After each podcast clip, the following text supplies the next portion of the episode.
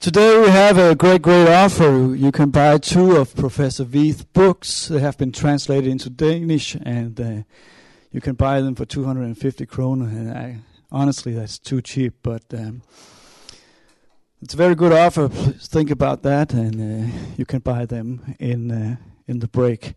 Philip will be happy to uh, to receive payments for that. Um, and now I would like to ask you, Professor Veith, to come up here, and uh, I'll ask you uh, one question, and then I'll give the word to you.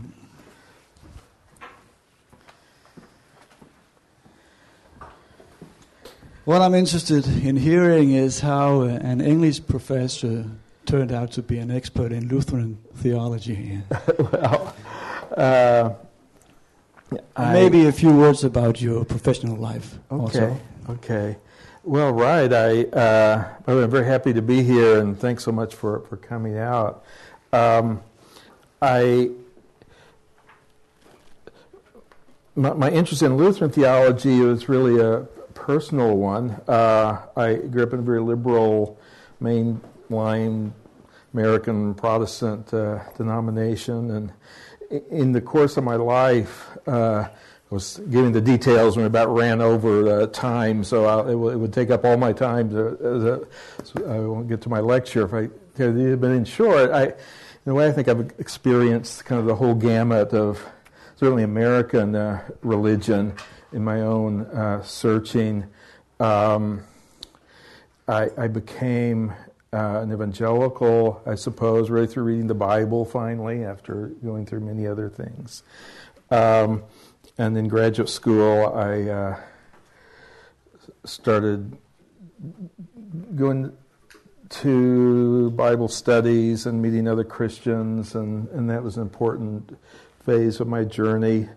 But I was involved with Catholics and uh, especially Calvinists and Pentecostals and Baptists of every kind, and um, but it was through studying my my dissertation, my professional life. I was studying the uh, poetry of George Herbert, the, great Anglican uh, religious poet, Christian poet, and my thesis was showing that he was influenced by the Reformation. Uh, before that, he was always interpreted in terms of kind of Roman Catholic, uh, medieval meditative techniques and, and all. And I was making the case that he was uh, influenced by the Reformation. He was writing about the grace of God. He was writing about God breaking into his life. So um, that got me reading Luther, among other other things. And um, anyway, when we I got my first position in a little state college. Uh, after I got my dissertation, there was a little Lutheran church that I attended. And Lutherans are not very well known in the United States. There are a lot of them, probably about 8 million Lutherans, but they stick to themselves and they don't always do a good job of uh, t- telling what they, they have to, to other, other Christians, even. But um, anyway, I became a Lutheran and. Uh, just got drawn in deeper and deeper, and the pastor was giving me things to read. And um, uh, later, I got a position at the Concordia University in Wisconsin, which is uh, a Lutheran university. Um, but my professional, my field, I was writing about Christianity and literature and how different theologies inform and help us understand different writers. Uh, from there, I got into Christianity and the arts, and my first book was called The Gift of Art, about a, a biblical way of looking at the arts. Uh, and so that got me into issues of Christianity and culture and the tension sometimes between them. And uh, then I started looking at a Lutheran theology of culture, in other words, vocation, which I'm going to talk about the two kingdoms, and, and other insights that Lutheran theology gives to that question of how Christians relate to their culture. So that got me into writing about how to express Lutheran spirituality to people in a, a secular postmodern culture. Uh, I think one of the books that you have here uh, in English it was Spirituality of the Cross, uh, and it was written kind of as an experiment to communicate Lutheran spirituality to people today. Um, and then I wrote about vocation. to, a non Lutheran uh, press, uh, and I found that concept, the Reformed and the Evangelicals and Pentecostals, it's completely new to them.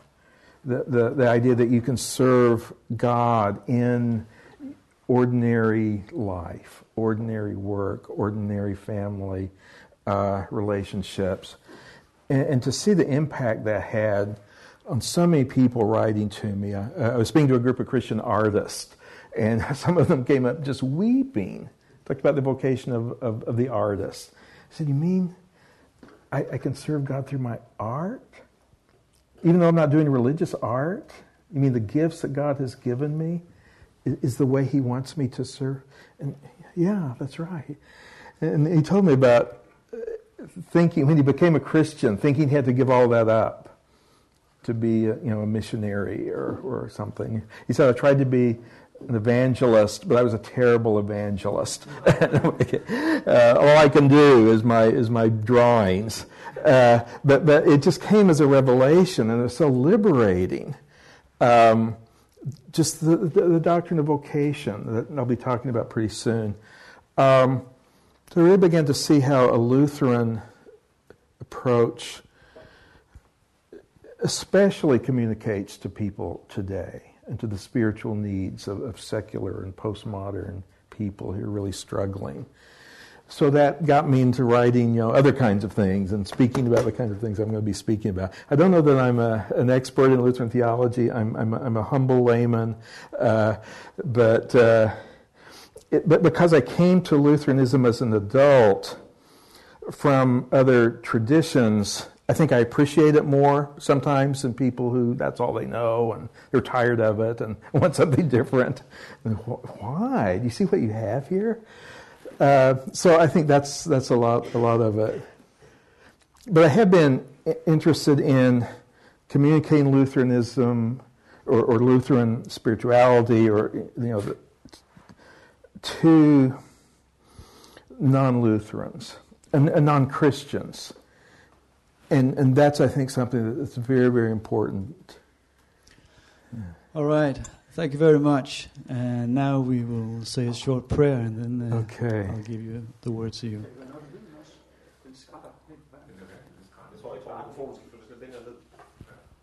Think to the, it's scratching. They say. My voice is just scratchy.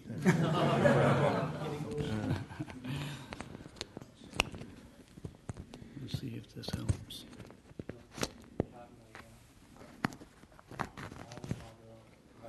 How about that? That's better? All right. Okay, let's Good. pray. Okay. Hey, Lord Jesus, we thank you that we may call upon your name every day and every hour, and we thank you that you never sleep. And we now pray that you will come and lead and guide our hearts and minds so that we will know the truth and know your will in spirit and in truth. Thank you for the opportunity to have Gene and Jackie here, and we ask you to keep them safe on their journey to Scandinavia and bless them richly. We also pray that you will give Gene everything he needs for these lectures. We pray that in Jesus' name. Amen. Mm-hmm. All right, well, again, I've been talking about how Lutheranism can really reach people today, and, and I'm open to the charge. People say, well, I, I, I see it, you make a point, but our Lutheran churches aren't growing particularly. You know, where are the people you know, flooding into our congregations uh, now, if what you say is right? But I finally have some tangible evidence that what I've been saying is, is, is true. Uh, now, a, a major challenge for churches today is reaching the so called millennial generation. Do You talk about that here? Uh, people born in the period, or grew up in the period of transition between the 20 and 21st centuries. Um, young adults growing sort of in the, there's the modern era and there's a postmodern. Um, this is a group that often describes itself as being spiritual but not religious. They they're not necessarily materialist like the modernists were, but in fact they say they're spiritual, but they're very hard to get into churches. They resist organized religion of every kind. They want to make up their own religious path, their own religious beliefs. Uh, they're very resistant to uh, efforts by churches to, to reach them. At least in the United States, we've had there's the church growth movement that built mega churches by kind of appealing to their parents by having contemporary worship and other things. That doesn't seem to work with their with their children uh, in the millennial generation. So there are many efforts to try to update that, um, find other ways. The emergent church movement. that term you have here? Yeah, again, trying to make changes in the church to make it more relevant to where this particular uh, generation is.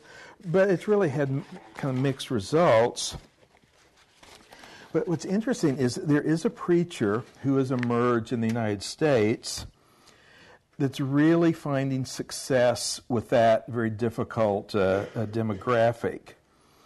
Uh, in fact, she's probably become one of the most influential and effective voices in contemporary American Christianity. Um, Nadia Bolz Weber. Have you heard of her? Nadia Bolz Weber. She's a Lutheran pastor in the Evangelical Lutheran Church in America, the more liberal branch of uh, of Lutheranism. Uh, she started a congregation in Denver, Colorado, known as the House of All Sinners and Saints. Now, she would seem to, inv- to just embody progressive Christianity. She championed progressive cultural causes like gay rights and, and many gay and transgender people in her congregation. She's covered with tattoos. Uh, she kind of reminds me of uh, uh, Lisbeth Salander and the, the girl with the dragon tattoos. We Americans love uh, uh, Scandinavian mysteries. Uh, that I mean, she, her, her, appearance, she's very punk and goth, and, and and and I'm not recommending her. There's a lot of what she says that we conservative Lutherans uh, of the Missouri Synod. That's that's where I am, Lutheran Church Missouri Synod. Uh, you know, make us want to rend our garments. Uh, you know, she's not. I mean, women's ordination is. We still don't have. We don't have that in our church, and and you know her her cultural positions and some of her theological positions. Uh, uh you know, are not are not on target with us. But but what she preaches, her sermons, are nearly always very orthodox Lutheran sermons. And she herself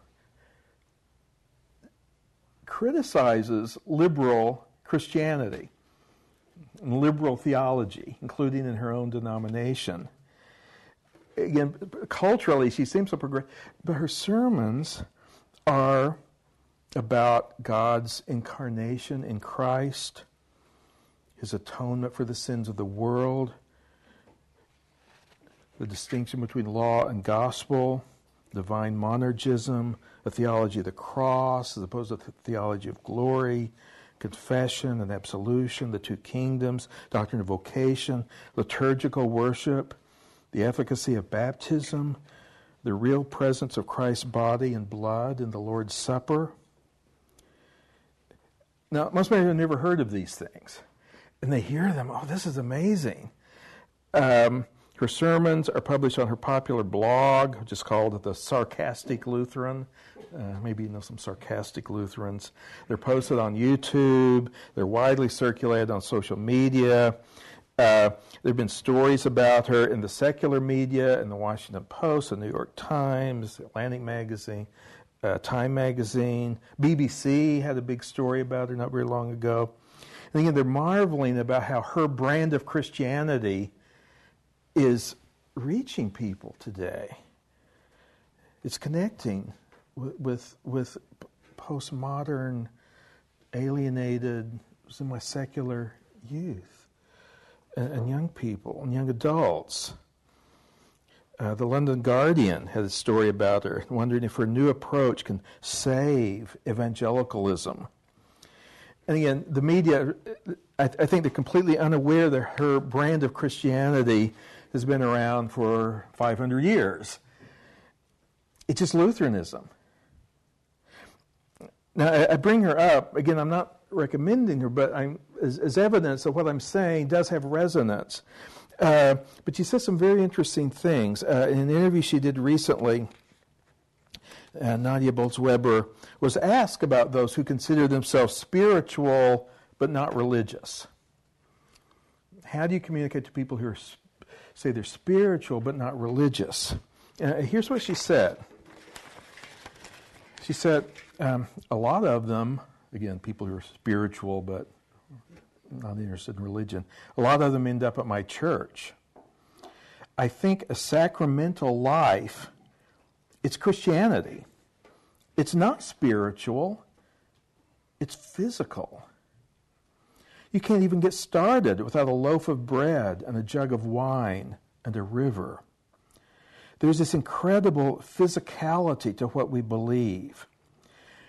This is spirituality in the dirt. We have a God who slipped into the vulnerability of human skin and walked among us and was born amongst straw and animals and walked the earth and ate with his friends and spat in the dirt and used mud and his own spit to heal people. This is not an ethereal, transcendent, otherworldly, escape this earth kind of God. Even after his resurrection, he was disturbingly physical about all of it. He was grilling fish on the beach and having people touch his actual wounds. He says, This is why I am not a fan of liberalism in Christianity. I actually believe in the physical, actual resurrection of Jesus. You can't have a gospel that's that disturbingly physical the entire time, and then at the end, it's just an idea. It's just a memory. I think the actual wounded body of the resurrected Christ is of great importance to humanity, given the fact that we walk around with bodies that are also wounded in the same way. I think that says something important to us. Uh, it seems surprising and even disorienting when she says that Christianity is not spiritual, but, but physical. And yet, that seems very Lutheran, with, with its emphasis on God incarnate, Christ crucified and resurrected, the sacramental life built around water, bread, and wine this incredible physicality to what we believe, as she says, this spirituality in the dirt, may seem an odd point for her to emphasize in ministering to a congregation of people who want to be spiritual. You'd expect, I'm spiritual but not religious, to, to give an appeal that's all spiritual. Well, we'll spiritualize uh, Christianity and uh, neglect the physical part even more.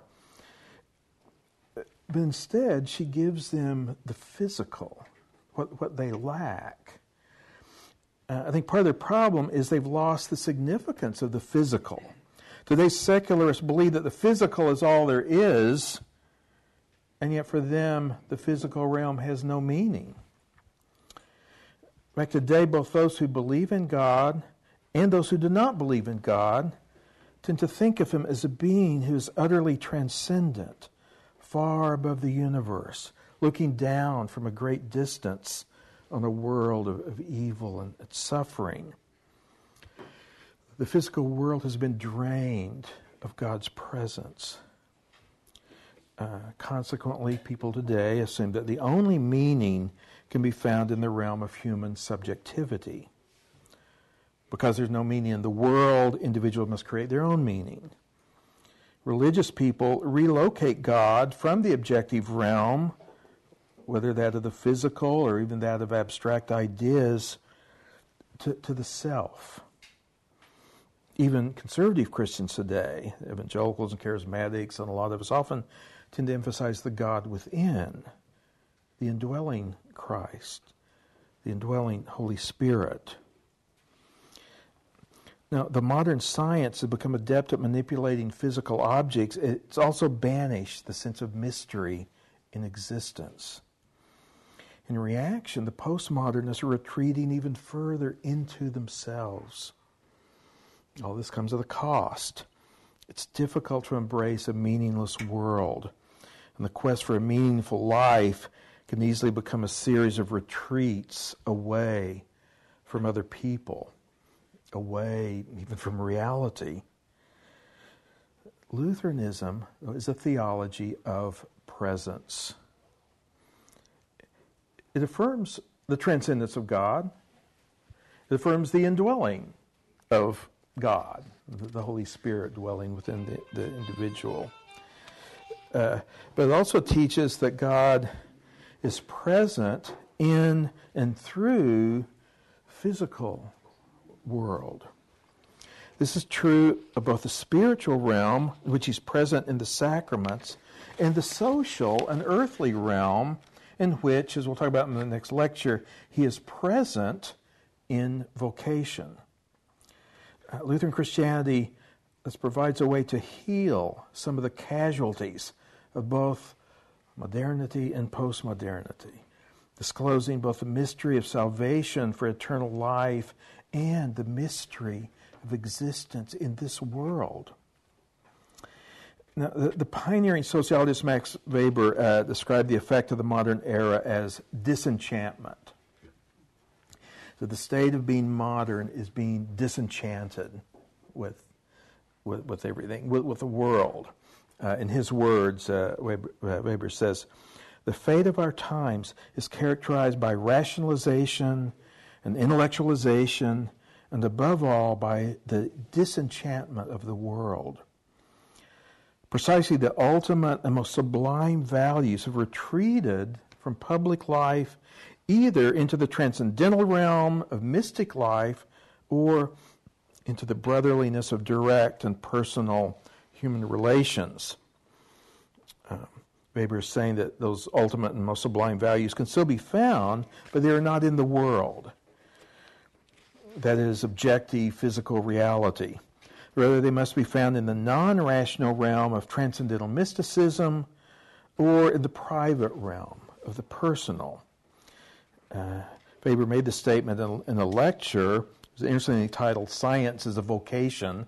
Um, I look at that again in light of what I'll be saying later.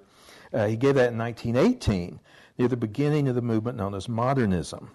Uh, Weber's insights, with the contribution of other thinkers, would manifest itself in the fact value distinction, the assumption that only facts are rational, objective, and knowable, while values, such as we have in morality, art, and religion, are non rational, subjective, and relative.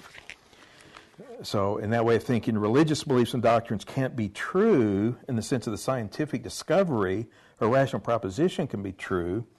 Rather, according to this worldview, religion is a matter of private values, important perhaps to the individuals in giving meaning to their lives, but has nothing to do with the so called real world. And most scholars trace this disenchantment of the world with the rise of modern science, which ever since the Enlightenment has given naturalistic explanations for physical phenomena that used to require religious explanations. For example, the answer to the question, why does it rain, was once answered, because God made it rain. Now we know that it rains because of the complex interaction of cold fronts, relative humidity, air pressure, and other factors that are uh, the domain of science of meteorology. To be sure, the early, Christ, the early scientists were nearly all Christians who ascribed the laws of nature they were discovering to the laws of God and his design of creation. But the Enlightenment of the 18th century was an age of reason and came to reject the concept of revelation, trying to construct a religion based on reason alone. This religion, deism, posited a deity who created the universe and established its laws, but thereafter allows a creation to run on its own, like a vast machine. In the 19th century, according to this narrative, Darwin uh, was thought to have discovered that the very origins of species, and by extension the origins of the world, can be explained in terms of a closed naturalistic uh, uh, process, thus doing away with the need for even a deistic God. Uh, the, the deists, the Enlightenment, needed a God to get it all started. After Darwin, we don't even need that God. At that point, the physical but disenchanted world began to be seen by many people as the only thing that exists. And science claimed the authority to be the source and arbiter of all truth. But it was not just the scientists who were disenchanting the physical world. Many Christians were doing the same thing. Uh, Nancy Pearcey has shown how Christians of the time were in many cases complicit with the Enlightenment project of banishing Christianity from the external world. As the Enlightenment rationalists and skeptics were attacking religious doctrines and dismissing Christian truth claims as irrational and subjective, many Protestant evangelicals were also minimizing doctrine, emphasizing subjective experience, and recasting Christianity as a religion of the heart. This tendency continued in 19th century uh, with Wesleyans and American revivalists and major strains in 20th and 21st century evangelicalism and uh, the charismatic movement. I would add that this banishment of Christianity from the physical world is also evident long before that. And you can see it in the sacramental controversies of the Reformation. Uh, the debate between the Lutherans and the Reformed over the ascension of Christ is a good example. In arguing against the Lutheran teaching that the body and blood of Christ are truly present in the bread and wine of Holy Communion, the Reformed camp insisted that ever since his ascension, Christ's body is in heaven. He's no longer here. He's in heaven. His body is in heaven. Since he's no longer physically in the world, Christ's body cannot be on the altars of innumerable churches celebrating Holy Communion. Um, contrast, the Lutherans responded that it's the ascension that makes it possible for the body of Christ to be on all those altars. Uh, Ephesians 4:10, uh, Christ ascended far above all the heavens that he might fill all things. And the ascension makes it possible for him to fulfill his promise to be with his church. Behold, I'm with you always to the end of the age the Son of God ascended with his body into the Godhead so that now he can be present, not just at a specific place and time in ancient Palestine, but in his creation, in his church, and in his followers. The Reformed were able to accept what they termed a spiritual presence, even though Christ specifically called the sacrament not his spirit, but his body.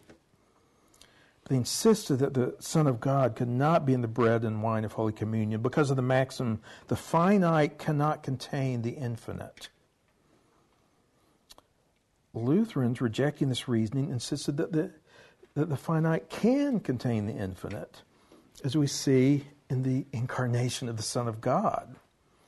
One would think that the Roman Catholic position that the bread and wine are transubstantiated into the body and blood of Christ is the opposite of the Reformed view of the sacrament. And yet, according to the Lutherans, those two are very closely related. The doctrine of transubstantiation also works with the assumption that the finite cannot contain the infinite. The physical elements of bread and wine, in that view, are only appearances. They are changed substantially so that only Christ's body and blood are present in the sacrament. The physical bread and wine are no longer present in the sacrament in a sacramental version of Docetism, the, the heresy that says that Jesus only seemed to be human, um, the Roman Catholic position is that uh, the, the, in Holy Communion the, the bread and wine only seem to be present. In contrast, the Lutherans asserted a sacramental union of Christ's body and blood and the physical bread and wine so that the elements actually bear and convey the body that was broken on the cross and the blood that was shed for the forgiveness of sins. The point is the Reformed emphasis on God's utter transcendence.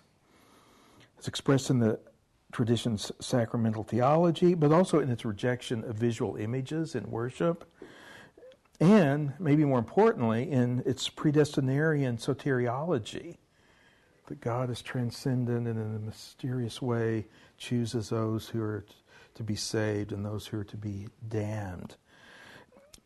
That, that removes God's presence from the tangible world.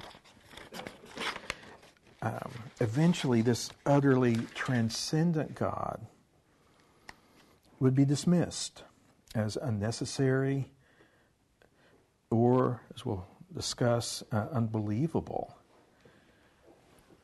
The God within would take non Christian as well as Christian forms, ranging from the egoism of the Romantic movement to the appropriation of Eastern religions such as Hinduism, Buddhism, and their westernized versions in the New Age movement. It can also be found in existentialism, which teaches the meaningless and absurdity of the external world and the necessity of the individual creating his or her own meaning in order to have an authentic existence. The postmodernist version of existentialism goes further, rejecting all truth claims as mental constructions of either a culture or an individual. So the human beings are placed squarely in the position of God as creator, as, as lawgiver. But the disenchanted world is difficult to live in. Reality impinges on our consciousness. We experience suffering. That's a reality that we did not construct. when we suffer, that's not something we chose to exist or created for ourselves. Reality imposes often in times of, of suffering and, and, and agony. Um, and we can't just change that by an act of the will. Even those who think that the will create, we choose what's right for us, that doesn't help us in, in times of suffering. And we also experience joy in the world, which is hard to account for if, if it is truly meaningless. And if the world is really value free, that makes it ripe for exploitation and degradation. Today, many people recoil at that rightly. And we see that with the environmental movement and various attempts to recover what is natural and unspoiled by modern technology. Uh, there are now calls for the reenchantment of the world. Uh, there's a book by Morris Ber- Berman calling for the reenchantment of the world. It's not clear how we can do that, just in terms of contemporary thought. Now, the worldview that banishes religion from the physical world and relegates it only to the inner self or to transcendent ideals puts pressure too on Christians who often share this mindset. So contemporary Christians are often disenchanted. When Christianity is seen as primarily as an internal state, as a function of the self, the Christian is thrown upon his or her own resources. The relationship with God is often seen as originating in the individual's will this is in line with the postmodernist emphasis on choice in the construction of morality and belief systems. But it also can easily turn into moralism and legalism, in which the believer's status with God is dependent on his or her efforts, good deeds, and religious experience. Because the human will is unstable and the sinful nature keeps manifesting itself, the Christian is often plagued with uncertainty about salvation about God's favor. At the same time, this privatized religion can also be expressed in antinomian license. If the outside world has nothing to do with my faith, then why should my actions or the way I treat other people? Why does that matter? I have a relationship with the God within, and He clearly loves me, so what difference does it make? Certainly, the Christianity of the self has little need for the church, has little need for other Christians. Since the individual constructs his or her own theology, the creeds and doctrines of historic Christianity have no authority. Individual Christians are essentially on their own. Uh, there's an American song called uh, Me and Jesus that illustrates a lot of what I just described. Tom T. Hall song. Uh, a lot of Christians sing it in, uh, in, in, in, their gospel meetings. Um, goes, Me and Jesus got it all worked out. Me and Jesus got our own thing going. We don't need anybody to tell us what it's all about. And you go into the later stanzas, and he said, We don't need no fancy preaching. We don't need no fancy church. But, but and, and if, if that's all there is, me and Jesus, that, that, that's, what, that's what you have. But, but the song is so complacent. But that complacency often gives way in times of trial and suffering, raising questions about Am I really saved? Do I really have Jesus? Do I need to accept Him one more time? Uh, or even, is God real after all? Or does He only exist in my mind? In contrast, Lutherans teach that salvation is extra nos, the Latin word meaning outside ourselves. Salvation is outside ourselves. God was incarnate physically in Jesus Christ. He objectively bore our sins on the cross and died for us. He rose physically from the dead. He comes to us in His Word, again, outside ourselves. And in the waters of baptism and the bread and wine of Holy Communion, creating faith, faith in His promises to save us as a free gift of, of His grace. We find our security not in looking within ourselves, but in looking outside of ourselves to Christ and His cross. And we do so in the church, where we receive His gifts. We hear this good news, receive absolution for our sins, are united to Christ's death and resurrection by baptism, and receive His resurrected body and the blood He shed on the cross in Holy Communion. And yet, Lutheranism by no means neglects the inner dimension of faith. The paradox of Lutheranism, according to Adolf uh, is that extra nos is complemented by in nobis, in us. Uh, Lutherans have the slogan extra nos, but also in us. Outside of ourselves, but also in us. And Köberle says the two together mean, he says, the more external, the more inward. The more external, the more inward. So the way to attain true inner piety, union with Christ, and the deepest religious experience is through the external means of grace, the Word and the sacraments. Now, Christian transcendence poses problems of its own. The view that God isn't within us, but that He's far beyond us. With, with Christian transcendence, God can become very abstract, a philosophical concept, rather than the living God of Abraham and Isaac. Christianity can then be reduced to intellectual assent and to propositional doctrines and if one's religion is mainly philosophical, a philosophical argument can change it or even destroy it. This kind of Christianity, too, can be followed with little need for a local church or for other people. It, too, can become either a legalistic system or an antinomian neglect of moral and social responsibility. More deeply, thinking just in terms of an utterly transcendent deity makes him seem distant in times of suffering and trial, the disenchanted Christian can feel alienated from God. In the Calvinist version, God is inscrutable, under no obligations, doing all things for His glory, including choosing some human beings for salvation and choosing others for damnation. An individual cannot really know what category he or she falls into. A spiritual state that has led many Christians, such as the English poet William uh, uh, to despair, even madness in, in, in Cowper's case. In contrast, Martin Luther urges us not to contemplate God apart from his incarnation. Luther writes in his commentary on Galatians, says, True Christian theology does not present God to us in his majesty, as Moses and other teachings do, but Christ born of the Virgin, as our mediator and high priest.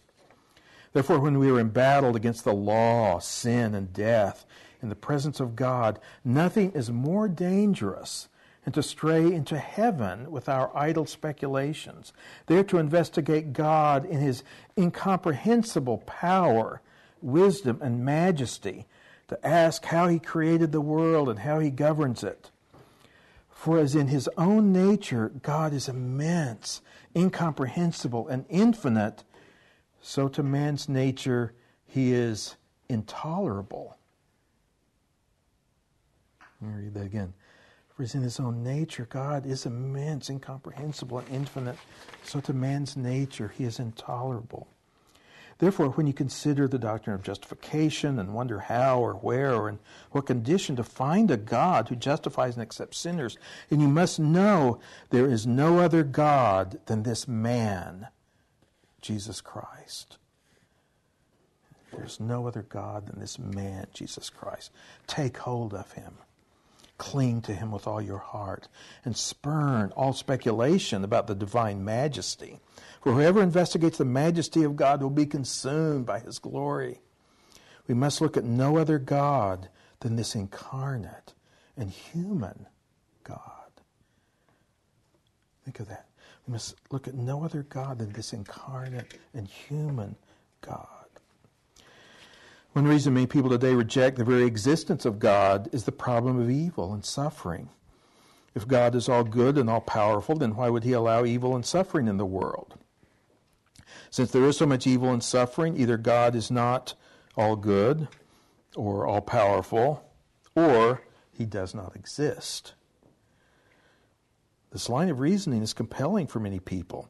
Either as a philosophical argument against the existence of God, or as an existential struggle when a person experiences pain and grief. Notice, however, that the question, as ordinarily framed, assumes the transcendent, detached God of deism. The assumption is that God is looking down on all of these bad things and not doing anything about it. God, from a Christian perspective, this is what Luther refers to as the incomprehensible and thus intolerable God. But if we consider the incarnate and human God, we find a deity who enters the human condition, subjecting himself to evil and suffering. A man of sorrows and acquainted with grief, says in Isaiah 53. More than that, he somehow took the evils of the whole world and the suffering of the whole world into himself on the cross. He bore our sins. It's a term we hear all the time, and I think something we don't contemplate the magnitude of what's that saying. He bore the evils of the world in himself in his body. He bore our sin, but he also bore our suffering, as the prophet Isaiah, in Isaiah 53, goes on to say. Yes, he, he, he bears our transgressions, but he also says, Surely he has borne our griefs and carried our sorrows. So that the very griefs and, and sorrows of the world, he also took into himself on the cross. He himself experienced death, but then he rose again, redeeming the world. Now, whether a theodicy of the incarnation completely resolves the problem of evil, I, I can't say, but in, in, the place of an indifferent, inactive deity, it asserts a God who enters the darkest places of the human condition and gives himself to overcome the evil. This is a God who is also pro nobis, who is for us. Okay, now that's another Latin phrase in Lutheranism. He is extra, he's outside of ourselves. He's in he's in us, but he's also for us. And that pro nobis. That, that is something that so many people, when they agonize over predestination, I mean, they have a trouble of thinking of how God is is for me. Okay. Um, now, that that picture of of of God in Christ, taking the world's evils and sorrows into Himself, is a way to answer you know, the problem of evil. Um, it, it, requires Lutheran thinking because other traditions have different ways of thinking, even about the cross. It prevents that from happening. Um, important one Lutherans believe in the universal atonement that Christ bore the sins and evils and griefs of the whole world. Okay, now, now that's a very clear biblical teaching. Uh, 1 John 2:12. He is the propitiation for our sins, and not for ours only. Not just for, for, for us, not just for us Christians, but also for the sins of the whole world. And th- that contrasts with the, the Calvinist position of the limited atonement, that Christ just died for the elect. And, and, and, you see that even in non Calvinists and a lot of evangelicals that say, well, if you accept Christ, then you can say he died for you. But this idea of the universal atonement, a very important Lutheran emphasis, he died for the whole world.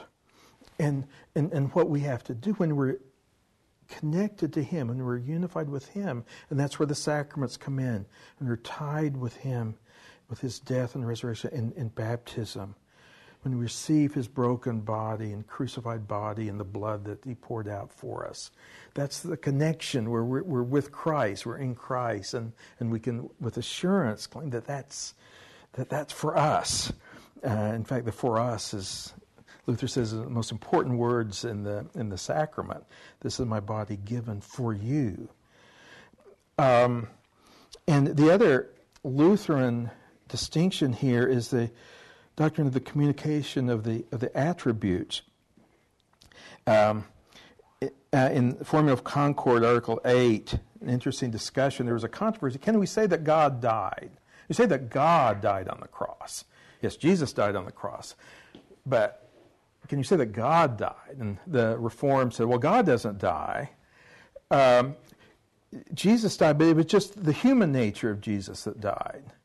The divine nature that's impassible. That that experiences nothing. It can never suffer suffer. It can never suffer or anything, or certainly not die.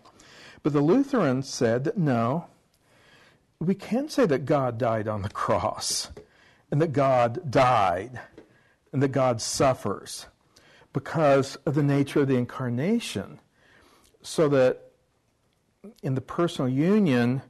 Um, again, this, this gets very technical in uh, theologically, but it has the most profound significance that what Christ experienced in the human nature, the, such as death and suffering and death, the divine nature experienced that too.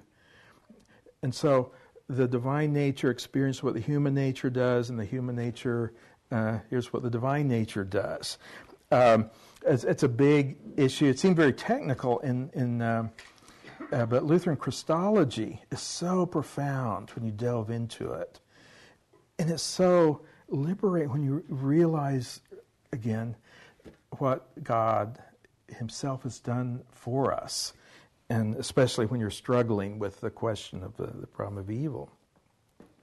Now, the, the key teaching of Lutheranism uh, the article in which the church stands or falls is justification. Or to unpack the term justification by grace through faith in the work of Christ. Justification has to do with being or being made or being declared just or, or, or righteous or, or right. Lutherans teach that we're justified by Christ, who took our sin into himself and atoned for it on the cross, and imputes to us his goodness. When we're united to Christ, which happens by baptism and Holy Communion, when we receive his word, we're justified freely, apart from any merit of our own. To believe, trust, and depend on this fact is to be justified by faith. Now, it seems that justification is another theological term whose meaning has been lost in today's secular climate. It presupposes, for example, a sense of sin. But in our disenchanted world, um, people think there's no such thing as an objective morality to sin against. Morality is seen as purely subjective, a personal code one might construct, give one's life purpose, but it's relative from one person to another. Nevertheless, even the most hardened secularists, those who reject the very possibility of moral truth, are constantly making moral judgments. They demand social justice, denounce political evils, demonstrate for human rights, call for ethical approaches to the environment, and criticize bad behavior whenever they see it. While it's true that sexual morality seems to carry a little weight today, unless it involves non consensual violations, both social ethics and personal ethics have great force despite the prevailing worldviews that would seem to give them little basis. But interpersonal com- conflicts are almost invariably um, arguments over moral transgressions. Psychological problems still arise from unresolved guilt. Whereas the old atheists argue that God did not exist from the perspective of scientific materialism, the new atheists are presenting moral arguments against God, making the case not so much that he does not exist, but that he is not good. Individuals, though, insist that they are good, and their very vices are not bad, but good. They're not righteous, and yet very often they're self righteous. Uh, one would think that if there are no objective moral standards, none of this would matter. We persist in accusing and being accused, and we're all trying to justify ourselves. Uh, the German theologian Oswald Bayer, in Living by Faith, uh, one of the most penetrating and spiritually helpful books in contemporary theology, in my opinion. He shows that the concept of justification is not just some arcane theological concept. He says justification is something we're preoccupied with all the time. We always feel the need to show that we are right. At work, online, in our casual conversations, in our relationship with others, we're always defending ourselves, making excuses, scoring points, and seeking approval. We're constantly trying to justify ourselves. Conversely, he says we're always accusing and judging others, insisting that other people, our spouse, our boss, the people who run things, are wrong, are not doing what they should. Often such criticism isn't dispassionate moral analysis, but it's in the context of our self justification. Maintain that we're right because other people are wrong. And of course, we accuse and judge ourselves, leading to, to inner turmoil. Our impulse to justify and accuse is the source of our conflicts. We insist that we are right. The other person insists that we are wrong and that he or she is right. This is the pattern in marital strife and political arguments, and when nations go to war. Not being able to justify ourselves, despite all our trying, is also the sort of guilt, disillusionment, and despair.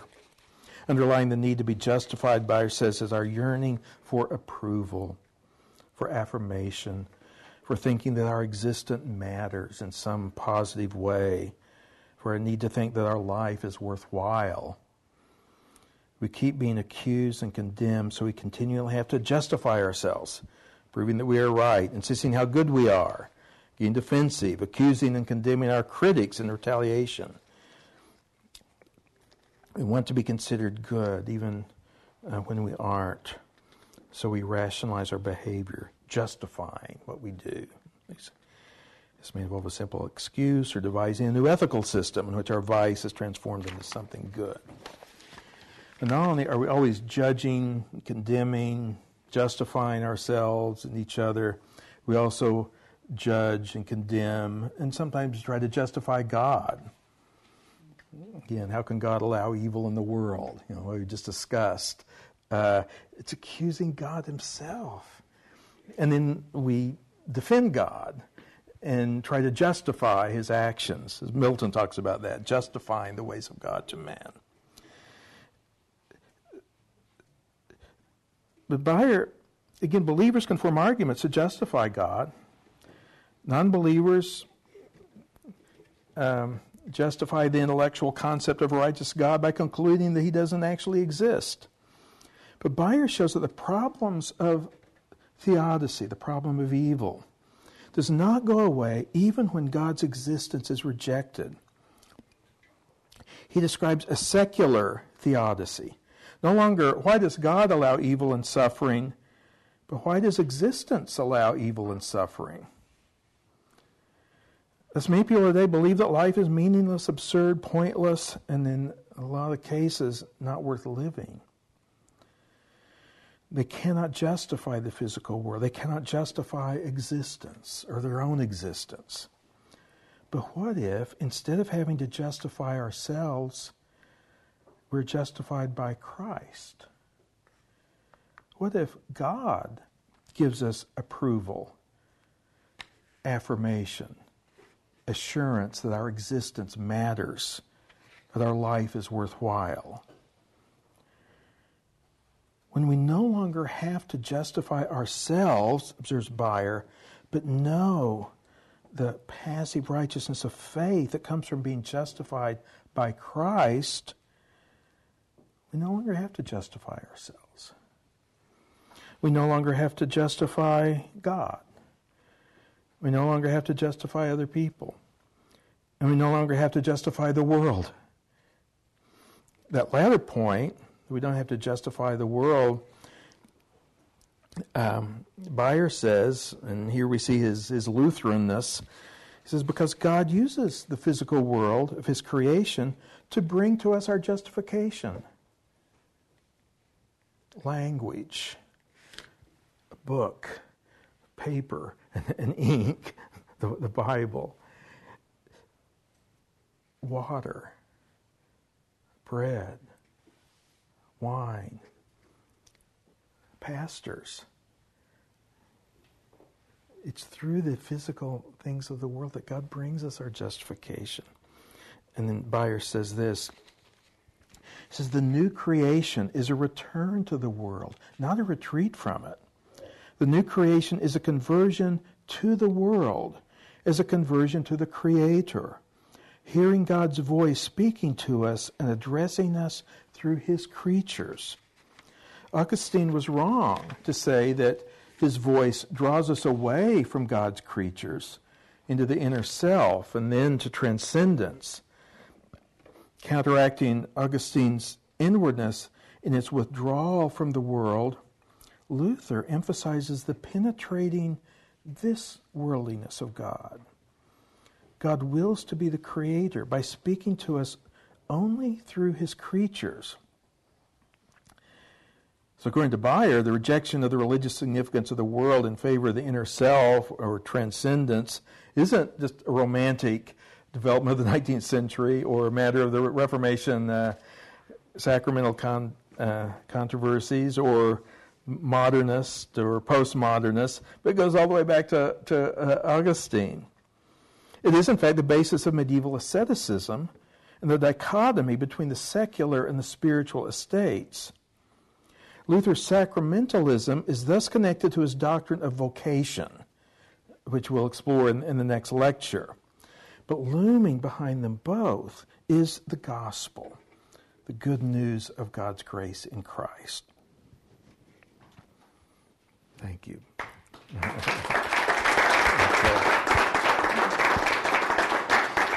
Okay, we have uh, time for some uh, questions and uh, answer. Maybe some of them I'll get to in my next lecture.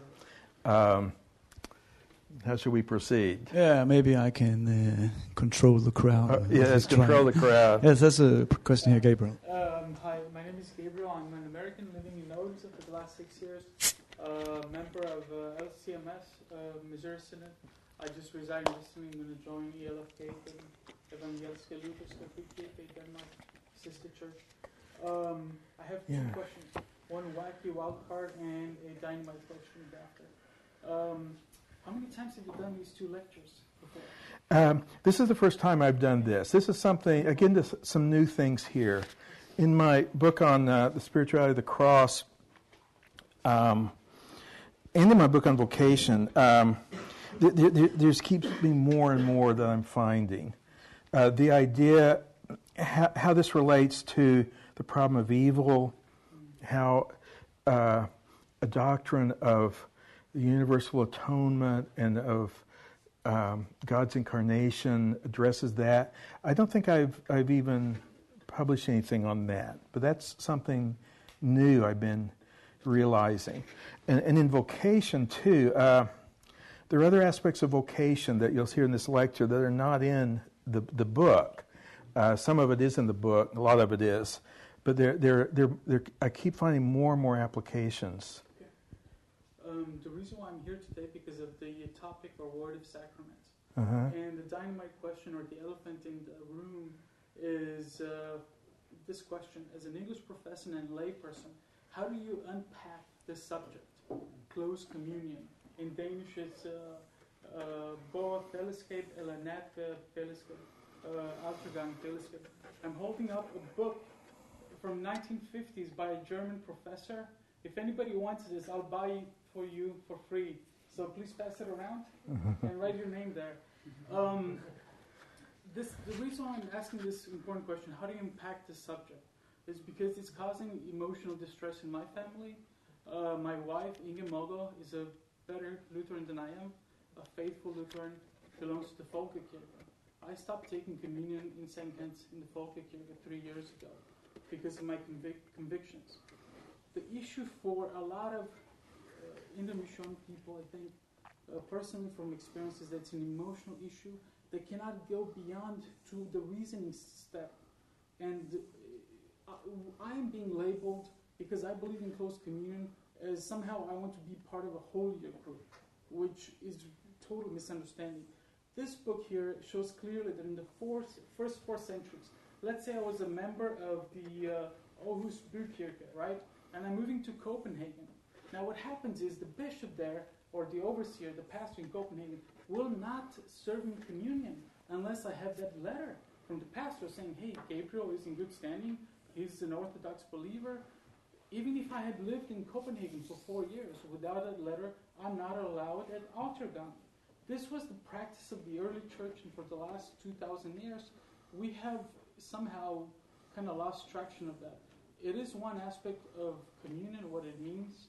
You know, there's a lot of wonderful aspects like forgiveness, um, being fed Christ's body and blood, which, I mean, I'm really impressed with the Lutherans in this country because um, I've been fed so much from uh, St. Hans uh, by the preaching there. So, how do you unpack this subject as a layperson or English professor? Well, you know, here we're seeing the uh, probably the, the limits of my uh, my qualification, my understanding.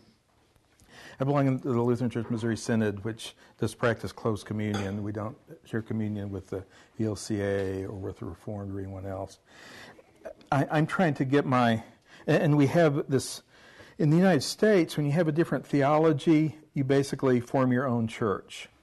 Now, now I'm trying to learn, and, and I have been learning a lot about the situation in Denmark, which is very different, where you have a church which uh, you know, includes liberals and conservatives and, and, and, the whole range, but it's a single church. Uh, then people find a congregation uh, that's, I mean, conservative find a good Orthodox congregation. Uh, and so we in America, the Missouri Synod, think of church fellowship. That's, that's a big issue with us, and who we will commune with and who we won't. Um, and, and, I struggle with it for different things because there are people in the Missouri Synod that I don't think have a, a, a full right confession of, of, faith, and yet I. Uh, I, I can commune with them even though we are very different in our in our in our convictions so um, I think that a key part, and the Lutheran ecclesiology is something I need to study much more of, the, the doctrine of the church. And there are many different Lutheran ecclesiologies, I know. Um, but one thing I've learned in the Missouri Synod is the, con- is the congregation is, is central. And so to me, if you are in a good Orthodox congregation, maybe the other Lutheran church downtown or in the next in the next city uh, is very is very liberal. t- to me, the, the, the bonds of the congregation and the confessional identity, that that's a ground for unity and, and, and receiving a communion in that church, in that congregation, no matter what the, you know, the membership uh, is, not necessarily in with a whole, with everybody. So, um, I don't know how much more I can, I, I can answer that, uh, but that's kind of how I, how I look at it in reality, a lot of Missouri Synod churches don't practice that anymore. And, uh, and yet, we can have, have a, uh, altar fellowship with them. So uh, I'm just learning and, and, continually trying to figure out things myself. And uh, um, I am still kind of wrestling with a lot of that topic. But, but I think I, for somebody who's struggling, as I've described, to send them to a church where they can receive uh, the Lord's Supper. Um, and uh, again, it, it's, it's, it's God's action, it's Christ's action, it's not, not just our own. And um, I, think, I think that's where the, where the comfort uh, comes. Again, as long as we look at human institutions and even churchly institutions, it gets all so complicated to keep the focus on, on what Christ does in it. Yeah. Okay, uh, I think we have time for one more question before the break. So, um, if there's anyone, yes, Andreas. Uh, I'll try to phrase this correctly. Um, I also think there is an elephant in the room, though it is not the same for me. Um, I really love the Lutheran way of looking at faith. Uh, that everything is so physical, everything is so down to earth. Uh, at the same mm-hmm. time, it's uh, well spiritual. Yeah.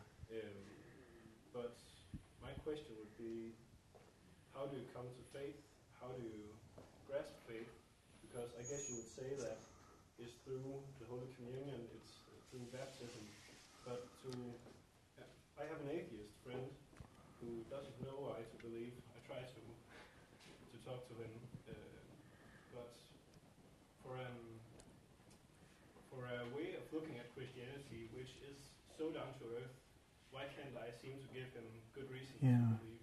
Well, um, again, we believe through the Word. And, and Luther says that even baptism and Holy Communion are efficacious because of the Word that goes with it, the Word of God. Uh, you know, I baptize you in the name of the Father, Son, and the Holy Spirit. This is my body given for you. That's the gospel. That's, that's the cross. He gave his body for us. And, and in the Lord's Supper, it makes it very real and tangible. But the faith comes from hearing. So it's the Word of God. Now, I would suggest for your atheist friend, again, keep that. You couldn't bring your atheist friend and say, Here, receive Holy Communion. certainly, that would, uh, could you do that in the Church of Denmark? Or maybe he would be baptized and a good member, I don't know, in, in certain congregations. Uh, but it's, it's the word that he needs to, to hear. It's the word that creates faith in the heart. So when you talk to him, I, I, I urge you to understand the atheist. You know what? Uh, you don't believe in God. What God do you not believe in? And very often he'll say, Well, I can't believe in the God that let all these things happen. And again, I've given you a way to answer that. The, the key is to keep bringing it down to Christ. You can argue abstractly for whether God exists or not. But even if the atheist friend agrees, well, um, all right, there, there may be some mind behind the universe. That, that, does, that, doesn't, that doesn't save him. That's not. You, you need to, to, again, bring it down to earth as God brings himself down to earth in, in Christ. You'll find that even atheists tend to have a great appreciation for Jesus as they see him in the, in the Gospels. Um, it says he, he speaks with authority and not like the scribes. There's something about Jesus and, the Sermon on the Mount and his healings. There, there's something different about him than typical earthly philosophers or thinkers. Uh, keep bringing it down to, to him and say, This is the God that we believe in. This is the God of Christianity, the one that became incarnate. Now, you can say that and say that and say that, and it seems like nothing will happen. but you don't know what's happening in, in a person's heart. Again, the, the her, her sermon on the concept of the word is uh, sowing the seeds. Uh, and you sow the seeds, and you don't know necessarily what will happen. Some of those seeds may take root and grow, and it may you may never know about it because it may be long after you've you've uh, you've known that person. So um, now again, this uh, I heard this uh, faculty starting a apologetics institute. I'm very excited about that because uh, there is a lot of things we can do to learn to make the case for our faith, but. Um, yeah, there will be people who just reject it, and, and they have often their personal reasons for it. Some, some they may be committed to a certain sin that they know they, they would have to give up if they, and, and, and there's all kinds of reasonings. But again, it's God who creates faith through the Word, through the sacraments, or through the Word. And um, you know, you, you'd be surprised sometimes what, uh, what, what, what may happen. Yeah. Okay. Uh, thank you very much for now. Sorry if I interrupt you. No. but um, we'll have a short break. We'll have a break for 18 minutes. That means that we'll be back 10 minutes to 3. And uh, if you have not paid yet, uh, it's about time. but there will be coffee and uh, cookies outside. So please help yourself.